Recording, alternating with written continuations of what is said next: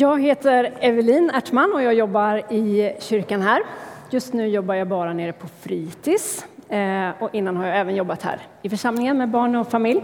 Så ni har sett mig, många av er, här förut. Ehm, jag ska berätta en saga. Och eh, då kanske en del tänker, ja, sagor, det gillar jag. Och en del kanske sitter och tänker, ja, sagor, det hör ju liksom inte hemma här. Va? Men då kan vi säga så här, det är en liknelse och liknelsen ni vet berättade Jesus och det hör hemma i kyrkan. Och om det är någon som fortfarande är skeptisk så kan jag säga så här att det här är en vass story om en kille som egentligen bara ville vara soft. Sagan är hämtad ifrån en bok som heter Djurens andaktsbok som är skriven av eh, Kristina Reftel. Mycket bra bok. Vi förflyttar oss in i skogen in under en sten någonstans. Där bor igelkotten i en liten håla. Här har han det bra, han har sin trygghet och i den här fåtöljen brukar hans mamma sitta och sticka eller laga någon tröja som har gått hål på när hans vassa taggar varit i vägen. Den här morgonen så vaknar igelkotten av att mamma ropade Kotten, god morgon, nu är det frukost. Men han ville bara sova vidare så han drog täcket över huvudet. Men sen såg han att just det, solen lyste in genom de otäta väggarna.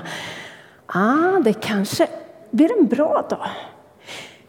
Hans kompisar kanske redan var ute och lekte så han skyndade sig ut i köket, tryckte i sig några mackor och så skulle han ge sig iväg. Ah, ah, ah, ah, borsta tänderna, sa mamma som var väldigt noggrann mamma. Ja, ja, ja, ja, så borstade han sina tänder och så skulle han gå ah, ah, ah, och så slåss vi inte med taggarna. Du vet att dina taggar kan skada andra djur väldigt illa. Ja, ja, ja, jag vet, sa igelkotten. Och så släppte hans mamma iväg honom. Visste han väl Mamma hade sagt det till honom varje dag så länge han kunde minnas att man inte skulle slåss och att de där taggarna kunde skada. Han skyndade sig ner till bäcken och där såg han att ankan och svanen lekte. När han kom fram så ropade ankan och sa, eh, eller svanen ropade och sa Kolla, kolla vilken fin båt ankan har byggt, ser du? Då var det som en liten tagg stack till i hjärtat på honom. Svanen brukade ju vara kompis med honom och det brukade ju vara, det brukade ju vara han som gjorde bra och fina och roliga saker. Han eh, svarade, jag tycker den där båten är asful. Den kommer säkert sjunka efter bara några meter som Vasaskeppet gjorde. Han vände sig inte om en enda gång när han gick därifrån. Men om han skulle ha gjort det, då skulle han sett att ankan stod kvar och såg väldigt ledsen ut. Han gick vidare och kom till kullen inne i skogen. Där fick han syn på ekorren. Han hade samlat ihop en massa skräp som människorna hade lämnat efter sig och nu höll han på att kila upp och ner och upp och ner för soptunnan. Och sorken, fröken Sork, hon stod bredvid och hejade på. Bravo ekorren, vad duktig du är! Bra ekorren! Nu blir det rent och fint i våran skog. Nu var det så igen, som en tagg som stack till. Det brukar ju vara han som samlar ihop skräpet så att fröken Sork kunde säga att han var duktig. Nu var det ekorren som fick höra allt det där snälla. Värsta frökenfjäskaren, sa han. Och, um, ja, och så gick han förbi. Han gick därifrån och så sa han, vad töntig du är ekorren. Nu var igelkotten på riktigt dåligt humör. Han blängde argt på grodan och på bävern som gick förbi. Sen sparkade han på ett löv som kom blåsande. Hej igelkotten, hörde han plötsligt svalans glada röst. Hon satt i trädet och hon sa ehm, Visst är det härligt att solen skiner idag? Igelkotten stampade fram till trädet där svalan satt och sa Vem tror du att du är? Jag bryr mig väl inte om någon skitsol? Röt han. Och du är alltid så fånig, svalan. Jag orkar inte med dig, hör du det? Svalans näbb började darra. Och det såg ut som det skulle komma tårar ur ögonen på henne. Men hon sa ingenting. Hon bara flög och satte sig på en gren lite längre bort. Igelkotten fortsatte sin ilskna promenad och hade snart gått förbi den stora stenen i utkanten av skogsgläntan. Han hade ingen lust att titta upp på den blå himlen eller den varma solen eller de gröna träden. Istället stirrade han bara rakt ner i marken. Och då gick det som det kan gå när man inte ser sig för. Boink! Han krockade med något hårt och stort. När han tittade upp såg han att det var en hov han hade krockat med. Och hoven satt fast på ett långt vitt ben. Um, och när han höjde blicken lite till så såg han att benet tillhörde enhörningen. Igelkotten svalde. Av någon anledning så ville han inte träffa enhörningen idag. Det kändes inte bra. Hej igelkotten, sa enhörningen. Hur mår du idag? Igelkotten harklade sig. Eh, jo, eh, bara bra. Jag eh, kände för att vara lite för mig själv idag bara så. Jaha, sa enhörningen. Ändå är det många idag som har skadat sig på dina taggar. Va? sa igelkotten. Men jag har inte slagits mot någon. Jag vet att man inte får slåss. Mm. Men det är inte bara taggarna på din rygg som kan göra andra illa, säger enhörningen. Dina ord kan också vara vassa som taggar och göra ont. Och de kan till och med vara vassare än vanliga taggar. Orden gör sår inuti oss. Igelkotten visste inte vad han skulle säga. Han hade också blivit ledsen. Jag vet att du också har sårats idag, fortsatte enhörningen nästan som att han hade sett vad igelkotten tänkte. Men ingenting blir bättre av att göra andra ledsna. Nu ska jag berätta en sak, sa enhörningen. Ord kan göra att andra blir ledsna. Men det kan också vara som en bukett blommor eller en varm kram. Vänliga ord kan göra de du, de du säger det till glada. Därför, igelkotten, kan du vara det vassaste djuret i skogen och samtidigt det mjukaste inuti. Igelkotten tänkte en stund på vad enhörningen hade sagt. Taggarna på utsidan kunde han ju inte göra så mycket åt. Men mjuk inuti, ja, det lät bra på något sätt. Okej, okay, sa han beslutsamt. Från och med nu ska jag försöka säga mjuka saker istället för vassa.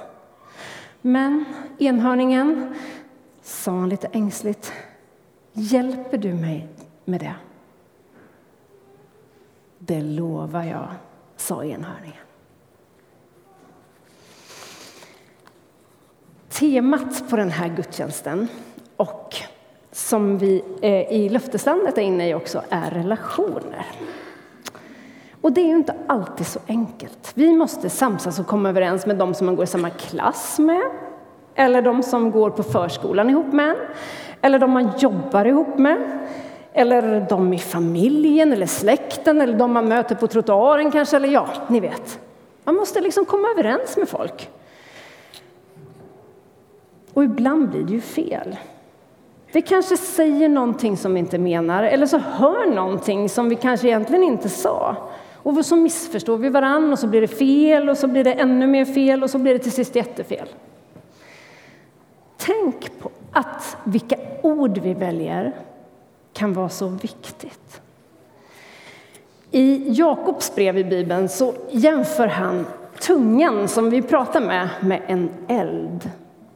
Han skriver att precis som en liten eld kan sätta en hel skog i brand så kan eh, tungan, det vi säger, såra andra väldigt mycket.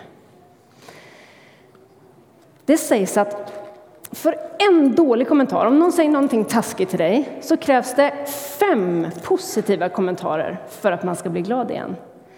Det måste alltså vara eh, fem stycken saker som är positiva för att väga upp en dålig sak.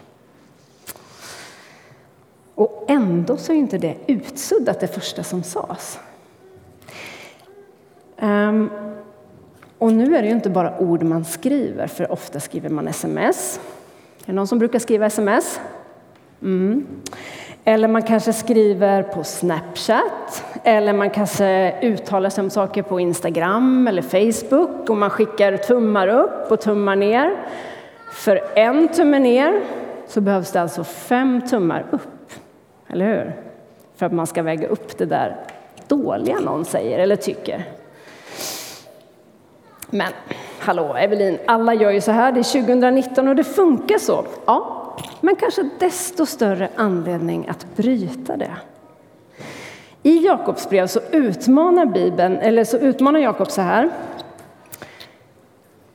Då står det, ska vi se ett bibelord där, ungefär så här att ni kan ju inte först tacka tacka Gud och sjunga lovsång som vi precis har gjort och sen gå och säga en massa taskiga saker till någon eller snacka skit om någon. Det kan ju inte liksom, så kan vi ju inte ha det, att det kommer från samma mun. Jag minns när jag var tonåring. Då var jag med i en liten församling och vi var ett gäng tonåringar. Då. Och vi, vi tyckte jättemycket om varandra. Vi var superbra kompisar och så. Men, nu ska vi se vart jag var någonstans. Men ändå så blev det en lite tråkig jargong en period. En jargong betyder lite sådär hur man pratar till varann, vad man, ja, vad man använder för ord och sådär. Det kunde vara så här, det var ju på skämt. Det var ju på skämt, för vi gillade ju varandra jättemycket egentligen. Men man kanske kunde skämta om vem som var väldigt slarvig och alltid tappade någonting. Och som hon tappade något så bara himlade man med ögonen och bara sa någonting. Eller man skämtade kanske om den som eh, pratade bred östgötska eller eh, om eh, eh, eller om någon som var barnslig. Det kanske kunde låta så här, ah, men hallå ditt pucko, eller kom igen nu slöfock, eller va? Fattar du inte det där? Det fattar väl alla, vem som helst. Lite sådana kommentarer. Det var egentligen inte alls farligt. Men ingen blev egentligen gladare av det där sättet att prata till varandra. Och ibland så måste man faktiskt bryta sådana där jargonger eller sätt man har att prata till varandra. Man kanske kan, inte, kanske lite svårt att våga det, man kanske kan verka lite så här mesig eller känslig om man säger så här, jag tycker inte vi ska prata så där. Men jag vill utmana er att våga säga ifrån när det blir så här tråkiga jargonger. Och det kan finnas i alla möjliga grupper. Det kan vara i en klass eller det kan vara i olika gäng. Och kyrkan är liksom inte automatiskt skyddad från det, utan det kan hända här också. Och egentligen så är det kanske extra noga att tänka här på hur vi pratar till varandra, men också hur vi pratar om varandra. För när vi pratar om någon annan och säger ja, men du vet, han är ju sån här eller sån här, då smittar det. Så då tänker den personen också så, och så tänker nästa person. Och då blir det inte bra. Men precis som ord kan såra väldigt mycket så kan man ju också uppmuntra med ord, precis som enhörningen sa. Och får man höra varje dag att man är älskad, då kanske man faktiskt till slut tror på det. Eller om man får en uppmuntran i någonting som man gör bra, då blir man oftast ännu bättre på det. Känner ni igen det? Mm. Det står så här i Ordspråksboken 16. Vänliga ord är som honung. De smakar sött och gör kroppen frisk. Fatta om vi kan liksom skicka med det som en honungsinjektion till varandra. Superbra. Vi kan lyfta varandra med, med våra ord. Och om vi blandar in Gud så blir det ännu häftigare. För Gud kan faktiskt använda oss för att säga någonting till en annan människa. Ibland kanske vi får en tanke att vi ska ringa någon. Och det kan vara Gud. För att då kanske det är så att den personen som sitter där någon annanstans eh, känner sig ensam. och behövde just dig att prata med. Eller vi får en, en, eh, en tanke om någonting vi ska säga till någon annan. Och då kanske det är precis det som den personen behövde höra. Så våga göra det. Lyssna på de där tankarna eller den här rösten. Eller när vi ber för någon, har ni också säkert varit med om någon gång, en del av er, att, att man känner någonting som man vill säga till någon man ber för. Och då kanske det är precis en hälsning från Gud. Så vi kan alltså få vara budbärare från Gud med vad vi säger till varandra. I Ordspråksboken 25 står det så här.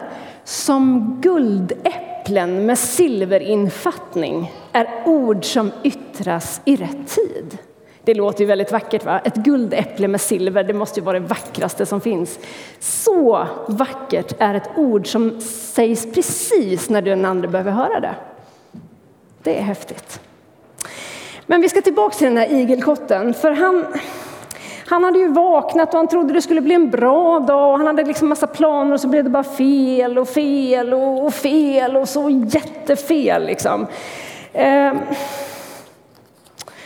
och det känns som att det inte gick att reparera. Liksom. Och den här svalan fick ju, hon hade ju lyssnat på det här som jag har sagt innan, så hon hade ju peppat sig att hon skulle säga massa positiva saker, så fick hon bara sådana här elaka saker som svar. Känner ni igen den där igelkotten? Ni kanske har träffat en sån någon gång som bara säger elaka saker och som man blir jätteledsen för, eller hur? Det tror jag alla har träffat någon gång. Men eh, det kanske också finns någon som sitter här inne som känner igen sig själv. Att den där igelkotten, det kan faktiskt vara jag ibland. Och ni vet, liksom, precis den här känslan när man kommer här och man vill inte titta upp och man är jätterädd för att träffa någon, man vill inte se sig själv i spegeln och man vågar eller orkar inte ens be. Vet ni, jag känner också igen mig i igelkotten. Och jag tror faktiskt att alla här inne har varit som igelkotten någon dag. Och det är för att vi är människor. Och det är så att ibland blir det fel. Men när det händer, och när vi hamnar här i slutet av skogen efter en dag som har blivit fel och vi har sårat folk på vägen, då finns det ett ord som är jätteviktigt. Och det är ordet förlåt. Och då kan ni tänka så här, ja men det där ordet är så uttjatat ord. För att, och jag kan känna igen mig som jag jobbar med barn, att man ofta så här, två barn har bråkat och så säger man, nu får ni sitta här och så får ni prata med varandra och så ska ni säga förlåt. Och sen så tänker man, ja, och så är allt bra. Men riktigt så enkelt är det ju inte. Det ordet är ju inte ett magiskt ord. Men om man med ordet förlåt menar jag är ledsen för det jag har gjort. Jag ångrar mig jättemycket. Om jag fick sudda tillbaks, eh, liksom backa bandet och tiden så skulle jag gjort på ett annat sätt. Om man menar det, då är det ordet jätteviktigt, både för den som säger det och för den som tar emot det. Um, sen var den där enhörningen som ju visste allt som igelkotten hade sagt och som visste vad det hade gjort på insidan med dem han hade träffat. Och som visste vad det hade gjort med insidan på igelkotten. Den enhörningen symboliserar Gud. Och vi tror ju på en Gud som känner dig, som vet hur det blir fel och som vet att vi kommer att misslyckas igen. Men han är en Gud som förlåter och om du gör som igelkotten och frågar kan du hjälpa mig? Då kommer han svara ja. Och en annan dag, då kanske det blir så här. Igelkotten vaknar på morgonen och tänker åh, solen skiner, härlig dag. Han kommer ner, ser båten och, tänker, och säger så här, wow, vilken fin båt, vad kul, jag vill också bygga en båt. Ser ekorren som klättrar upp och ner och samlar skräp som han brukar få hålla på och slita med hela tiden och säger Bra ekorren att du hjälper mig så jag slipper göra hela det här jobbet själv. Ser svalan, nej han ler först mot bävern och grodan, eller hur? Ser svalan som säger vad fint väder det är idag, svarar att ja visst är det, ska vi ta och sätta oss här uppe på klippan och njuta lite av solen och allt det vackra. Och då så kommer kanske igelkotten att tänka att han får ju faktiskt vara med och göra skillnad för någon, bara med ett leende och ett ord. Vi knäpper händerna. Tack Gud för att du har skapat oss och tack för att du har gjort oss till människor som vill ha relation med andra människor. Men du vet också att det inte alltid är så lätt, att det ganska ofta blir fel. Gud, hjälp oss. Hjälp oss att säga de där rätta orden. Hjälp oss att stoppa oss när det finns massa elaka ord som bara vill ut. Tack för att du har lovat att vara med oss alla dagar. Amen.